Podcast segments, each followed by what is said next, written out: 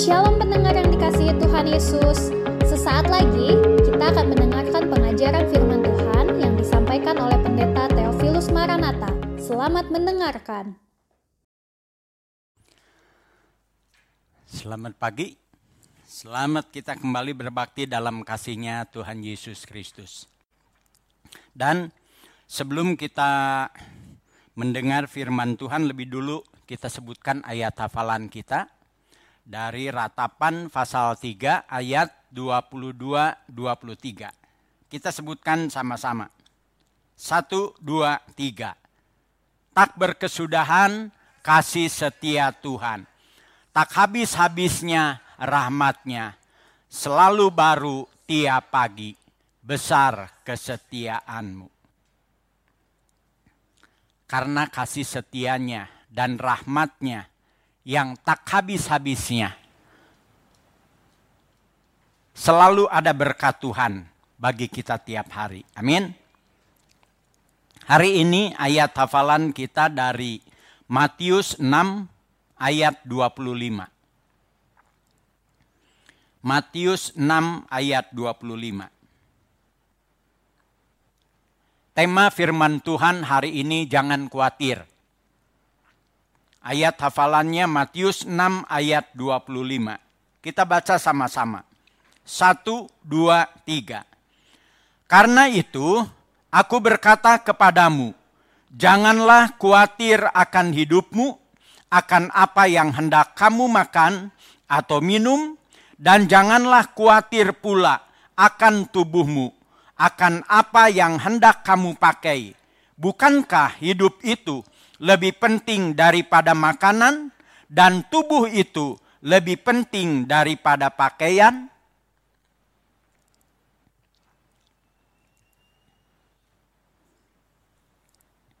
Kuatir, saya lihat di dalam bahasa kamus bahasa Indonesia diterangkan takut, gelisah, cemas, tidak tentram hati karena khawatir.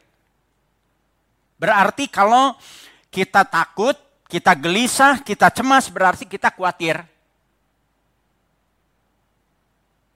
Kalau hati kita tidak tentram karena ada sesuatu yang membuat kita takut, berarti kita khawatir. Nah, Tuhan tidak mau kita menjalani hidup dengan perasaan-perasaan demikian. Tuhan mau kita menjalani hidup dengan rasa tenang, dengan damai, bahkan dengan sukacita. Sebab itu firman Tuhan berkata, jangan khawatir. Dalam situasi yang makin sulit seperti sekarang ini, kekhawatiran bisa menyerang siapa saja. Tetapi Tuhan melarang kita khawatir. Berarti Khawatir itu dosa. Sebab bertentangan dengan firman Tuhan. Amin. Amin. Beritahu yang di dekat saudara, khawatir itu dosa. Karena itu jangan khawatir.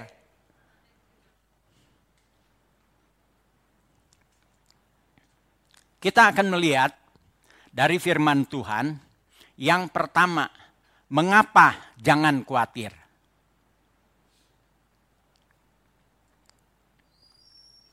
Kalau saudara perhatikan Matius 6 ayat 25 sampai 34 kita menemukan di dalam ayat itu kita jangan khawatir kenapa? Sebab Tuhanlah yang memelihara kita. Waktu ayat 25 berkata, janganlah khawatir akan hidupmu. Lalu diterangkan di dalam ayat-ayat selanjutnya. Pandanglah burung-burung. Burung-burung di udara yang tidak menabur, tidak menuai, tidak mengumpulkan bekal dalam lumbung.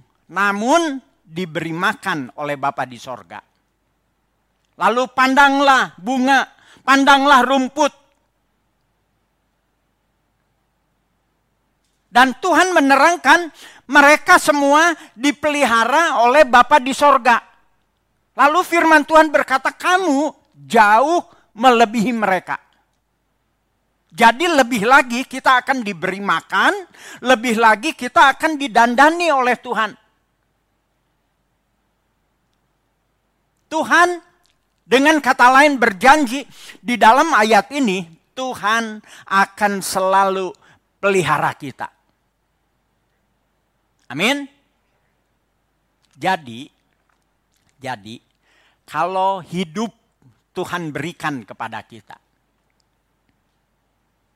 maka kebutuhan-kebutuhan hidup juga pasti Tuhan berikan.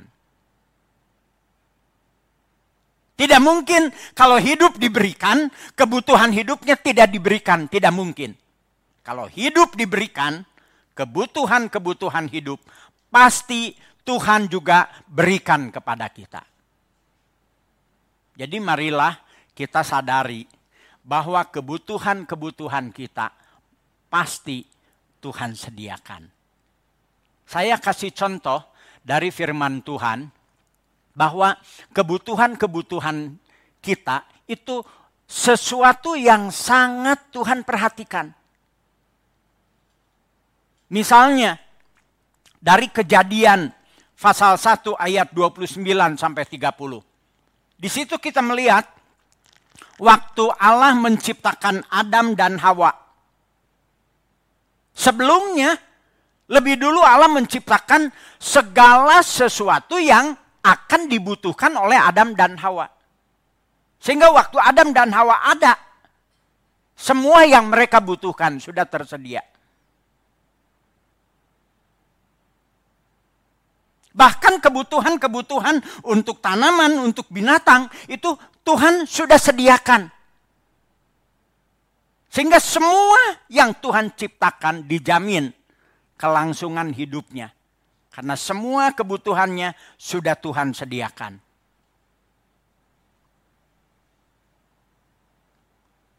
Lalu mungkin ada di antara kita yang bertanya,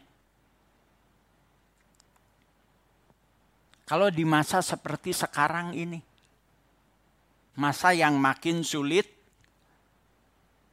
bukan hanya di Indonesia tapi tutup ya bisnis semua merosot.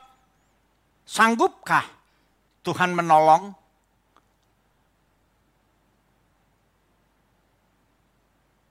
Pertanyaan seperti itu kita bisa temukan ditanyakan oleh orang Israel waktu mereka ada di padang gurun. Kalau saudara baca di dalam Mazmur 78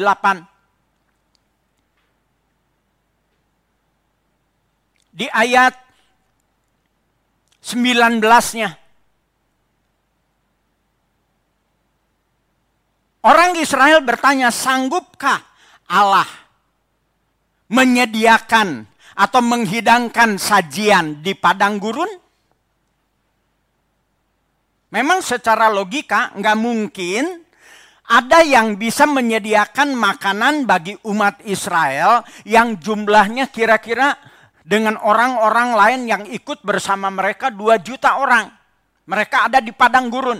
Bagaimana mereka bisa makan roti, apalagi makan daging? Tidak ada satupun perusahaan, tidak ada satupun orang yang sanggup mengadakan makanan bagi mereka. Logikanya demikian.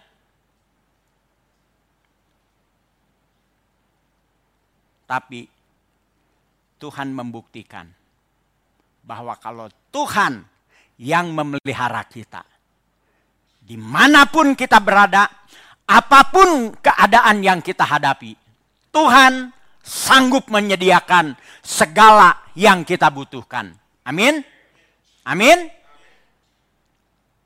Saudara pernah dengar waktu pengalaman orang Israel di padang gurun, mereka butuh air, tidak ada air.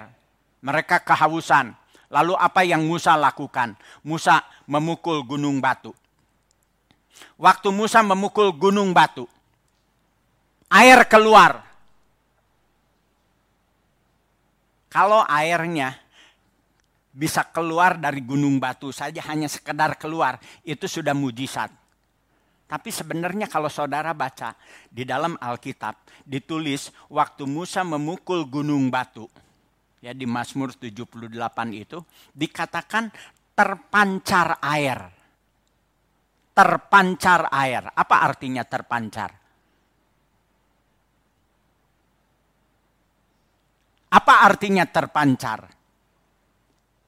keluar, keluar sedikit, keluar banyak. Saudara baca di bahasa Indonesia sehari-hari, ditulis, di Alkitab bahasa Indonesia sehari-hari, air mengalir deras. Mengalir deras. Sehingga tidak heran disebutkan terpancar air menjadi sungai. kelimpahan, banyak artinya sampai mengalir deras. Kenapa begitu? Karena memang orang Israel jumlahnya banyak. Perlu minum, airnya harus banyak. Seandainya, seandainya dua juta orang ini, seorang minum satu gelas, satu gelas itu seperempat liter. Seperempat liter, butuh berapa banyak air?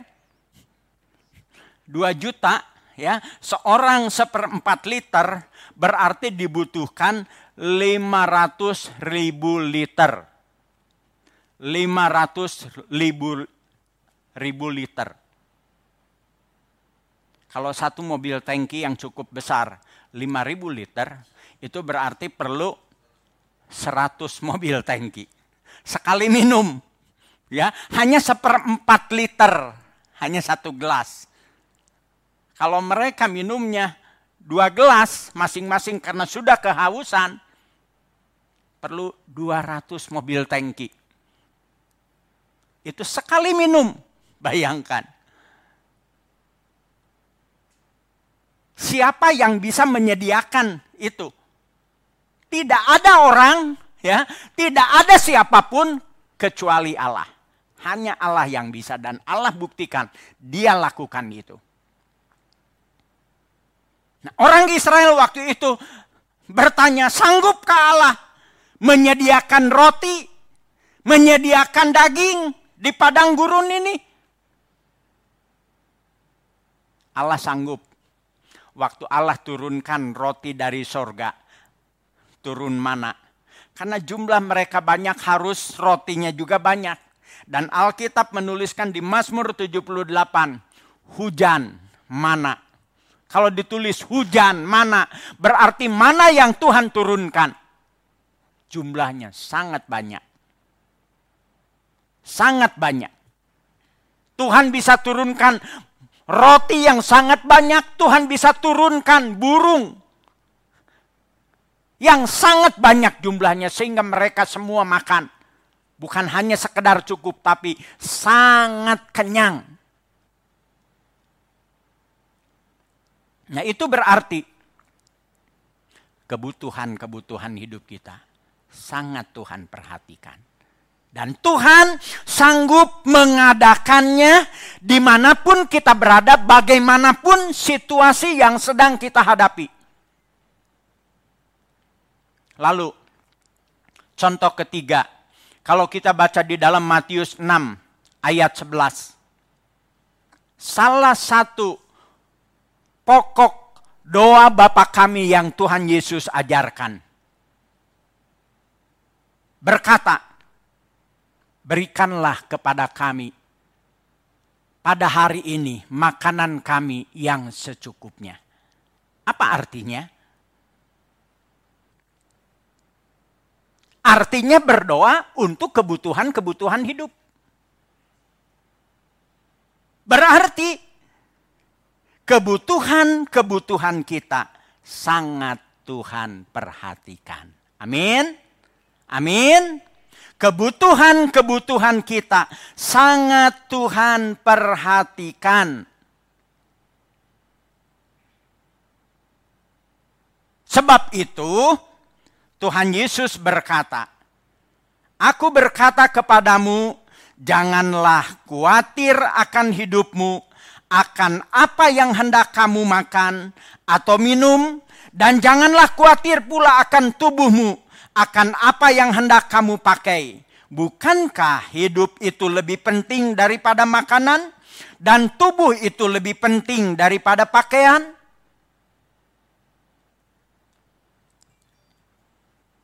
Masihkah kita khawatir akan kebutuhan-kebutuhan kita? Tidak selayaknya. Ya, tidak selayaknya kita khawatir.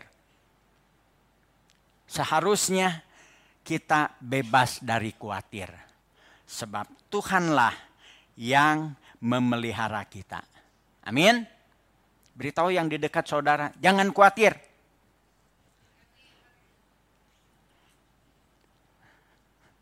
Zaman sekarang banyak orang yang bukan bukan hanya khawatir atau bahasa bahasa sekarangnya parno.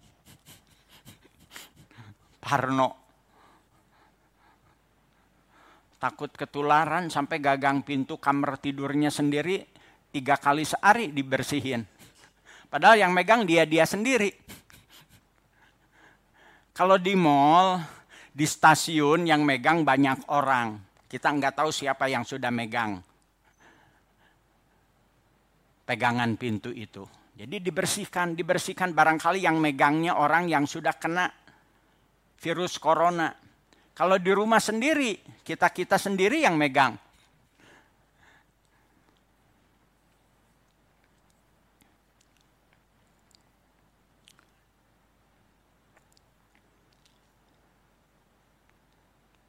Percayalah, ya, percayalah kalau Tuhan pelihara kita, Tuhan pelihara kita dengan sangat luar biasa. Amin. Waktu orang Israel di dalam Mazmur 78 bertanya, sanggupkah Tuhan menyediakan hidangan di padang gurun ini? Apa jawab Tuhan? Kalau kita baca di dalam firman Tuhan dikatakan Tuhan gemas. Tuhan gemas. Apa artinya gemas? Ya, waktu dengar pertanyaan itu Tuhan sampai gemes.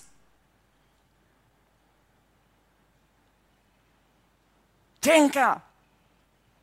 Karena memang Tuhan sangat sanggup. Karena itu, kiranya Tuhan menolong kita supaya bagaimanapun keadaan yang kita hadapi, bagaimanapun sulit situasi yang kita hadapi, kita percaya Tuhan bisa memelihara kita dengan baik.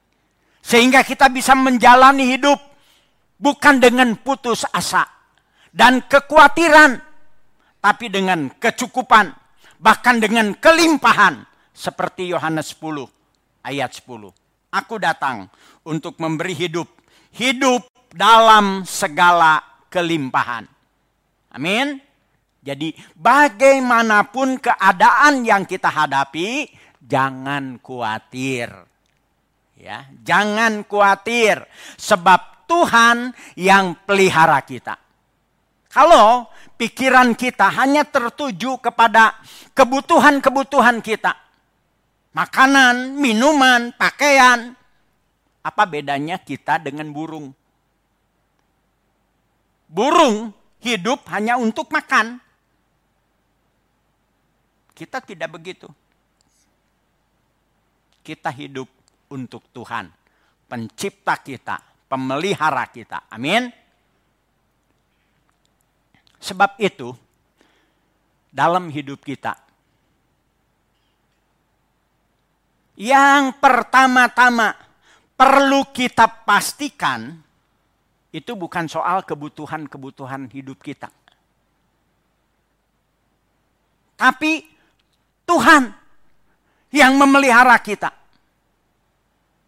Kebutuhan-kebutuhan hidup itu sesuatu yang tidak perlu kita khawatirkan. Jadi bukan sesuatu yang nomor satu harus kita pikirkan, bukan. Tapi Tuhan pemelihara kita. Sebab kalau Tuhan beserta kita, itu adalah jaminan keamanan kita, jaminan keselamatan kita.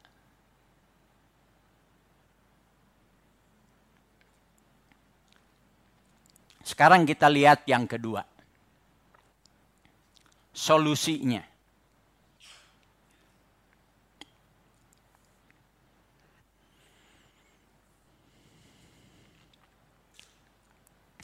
Kalau firman Tuhan berkata, "Jangan khawatir." Itu bukan berarti lalu kita diam saja atau tidak melakukan apa-apa. Sama seperti burung di udara yang Tuhan pelihara. Sehingga burung itu tidak perlu khawatir. Bukan berarti burung itu karena Tuhan pelihara, lalu burung itu diam saja di sarangnya. Kalau burung itu diam saja di sarangnya, kita semua sama-sama tahu burung itu akan mati kelaparan. Tapi kalau burung itu mau terbang keliling cari makanan, dijamin pasti tidak akan mati kelaparan. Sebab Tuhan sediakan makanan Begitu juga bagi kita, jangan khawatir akan hidupmu. Bukan berarti lalu kita nggak perlu kerja karena Tuhan pelihara. Salah, firman Tuhan berkata orang yang tidak bekerja jangan makan.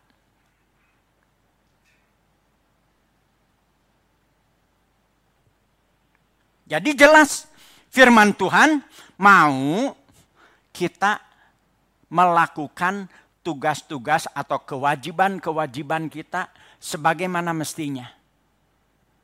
Tapi di dalam menghadapi hidup ini, di dalam menghadapi masalah, tantangan, kesulitan, jangan sampai itu semua membuat hati kita khawatir, takut, cemas, gelisah. Nah, sekarang apa yang harus kita lakukan? Kita baca Filipi pasal 4 ayat 6 ayat 6 mulai Filipi pasal 4 ayat 6 sampai ayat 9.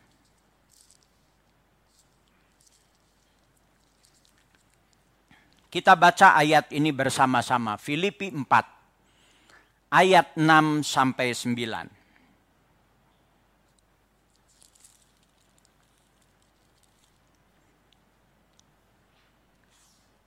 Janganlah hendaknya kamu khawatir tentang apa pun juga. Tetapi nyatakanlah dalam segala hal keinginanmu kepada Allah dalam doa dan permohonan dengan ucapan syukur. Damai sejahtera Allah yang melampaui segala akal akan memelihara hati dan pikiranmu dalam Kristus Yesus. Jadi akhirnya saudara-saudara, semua yang benar, semua yang mulia, semua yang adil, semua yang suci, semua yang manis, semua yang sedap didengar, semua yang disebut kebajikan dan patut dipuji. Pikirkanlah semuanya itu, dan apa yang telah kamu pelajari, dan apa yang telah kamu terima, dan apa yang telah kamu dengar dan apa yang telah kamu lihat padaku, lakukanlah itu. Maka Allah sumber damai sejahtera akan menyertai kamu. Nah dari ayat ini secara ringkas saya katakan yang Tuhan mau kita lakukan supaya jangan khawatir. Ubah Kuatir itu pertama-tama menjadi doa. Tadi dikatakan janganlah hendaknya kamu khawatir tentang apa pun juga. Tetapi nyatakanlah dalam segala hal keinginanmu kepada Allah dalam doa. Kita ingin apa yang kita butuhkan tersedia. Doa. Kita ingin keluarga kita tidak kena corona, berdoa. Nyatakan keinginanmu kepada Tuhan. Kita minta. Ya. Itu yang Tuhan mau. Ubah kekhawatiran-kekhawatiran kita menjadi doa. Jadi kalau saudara mau tidak khawatir, apa yang harus kita lakukan? Berdoalah lebih sering. Berdoalah lebih sungguh-sungguh. Maka damai sejahtera Allah akan mengisi hati dan pikiran kita. Sehingga kita bebas dari khawatir. Ibaratnya, waktu kita khawatir, kita berdoa, itu sama dengan kita menyiramkan air kepada api. Kita siram api itu dengan air.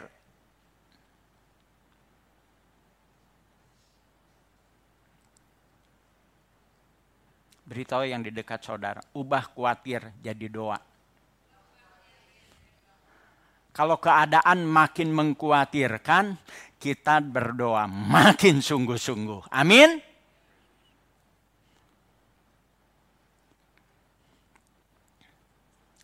Lalu yang kedua, ubah khawatir jadi tindakan-tindakan bijaksana.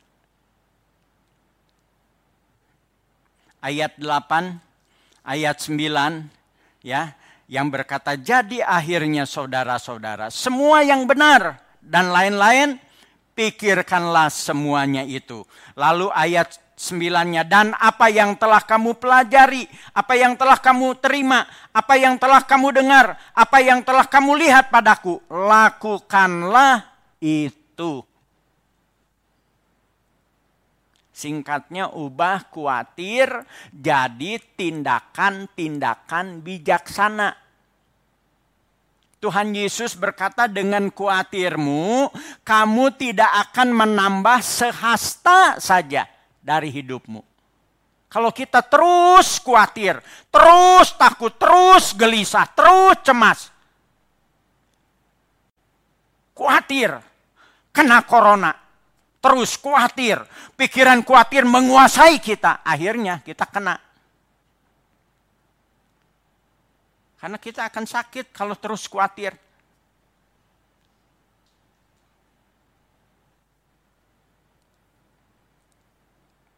Seharusnya kalau kita khawatir kena corona, ubah jadi tindakan bijaksana.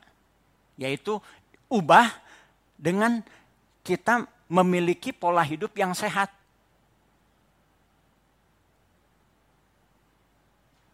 Ubah jadi pola hidup yang sehat. Ubah jadi pola hidup yang bersih. Mungkin selama ini kita kurang memperhatikan pola hidup yang sehat ini. Sekarang seluruh bangsa Indonesia diajar untuk memiliki pola hidup yang sehat, pola hidup yang bersih.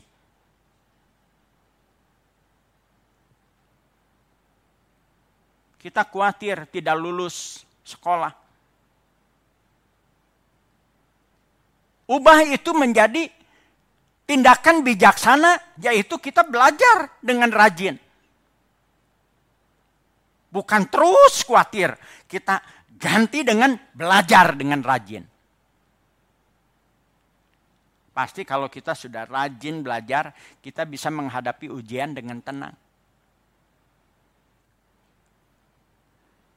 Nah, itu tindakan-tindakan bijaksana yang bisa kita lakukan.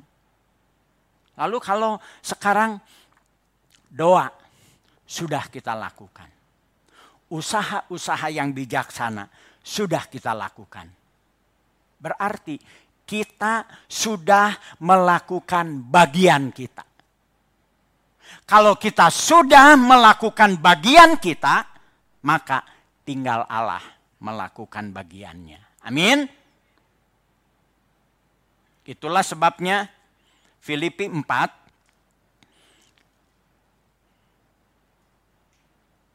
ayat 9 ditutup dengan kata-kata maka Allah sumber damai sejahtera akan menyertai kamu. Kalau kita berdoa sudah, berusaha sudah, sekarang tinggal kita serahkan kepada Allah. Allah yang menjadi pemelihara kita. Allah yang maha kuasa. Kekuasaannya sangat mampu untuk menyelamatkan kita, melindungi kita, menolong kita. Allah yang maha baik, kebaikannya luar biasa. Sampai anaknya sendiri dia berikan dan firman Tuhan di dalam Roma 8 ayat 32 berkata, kalau anaknya saja dia berikan, mana mungkin yang lainnya atau semuanya tidak dia berikan? Enggak mungkin. Artinya pasti dia berikan kepada kita. Jadi kalau kita sudah doakan masalah-masalah kita, keinginan kita kepada Tuhan. Dan usaha-usaha yang seharusnya kita lakukan, sudah kita lakukan. Kita percaya Tuhan akan menolong, Tuhan akan menyelamatkan, Tuhan memberikan semua yang kita perlukan. Sehingga kita bisa menjalani hidup kita di dalam damainya. Amin.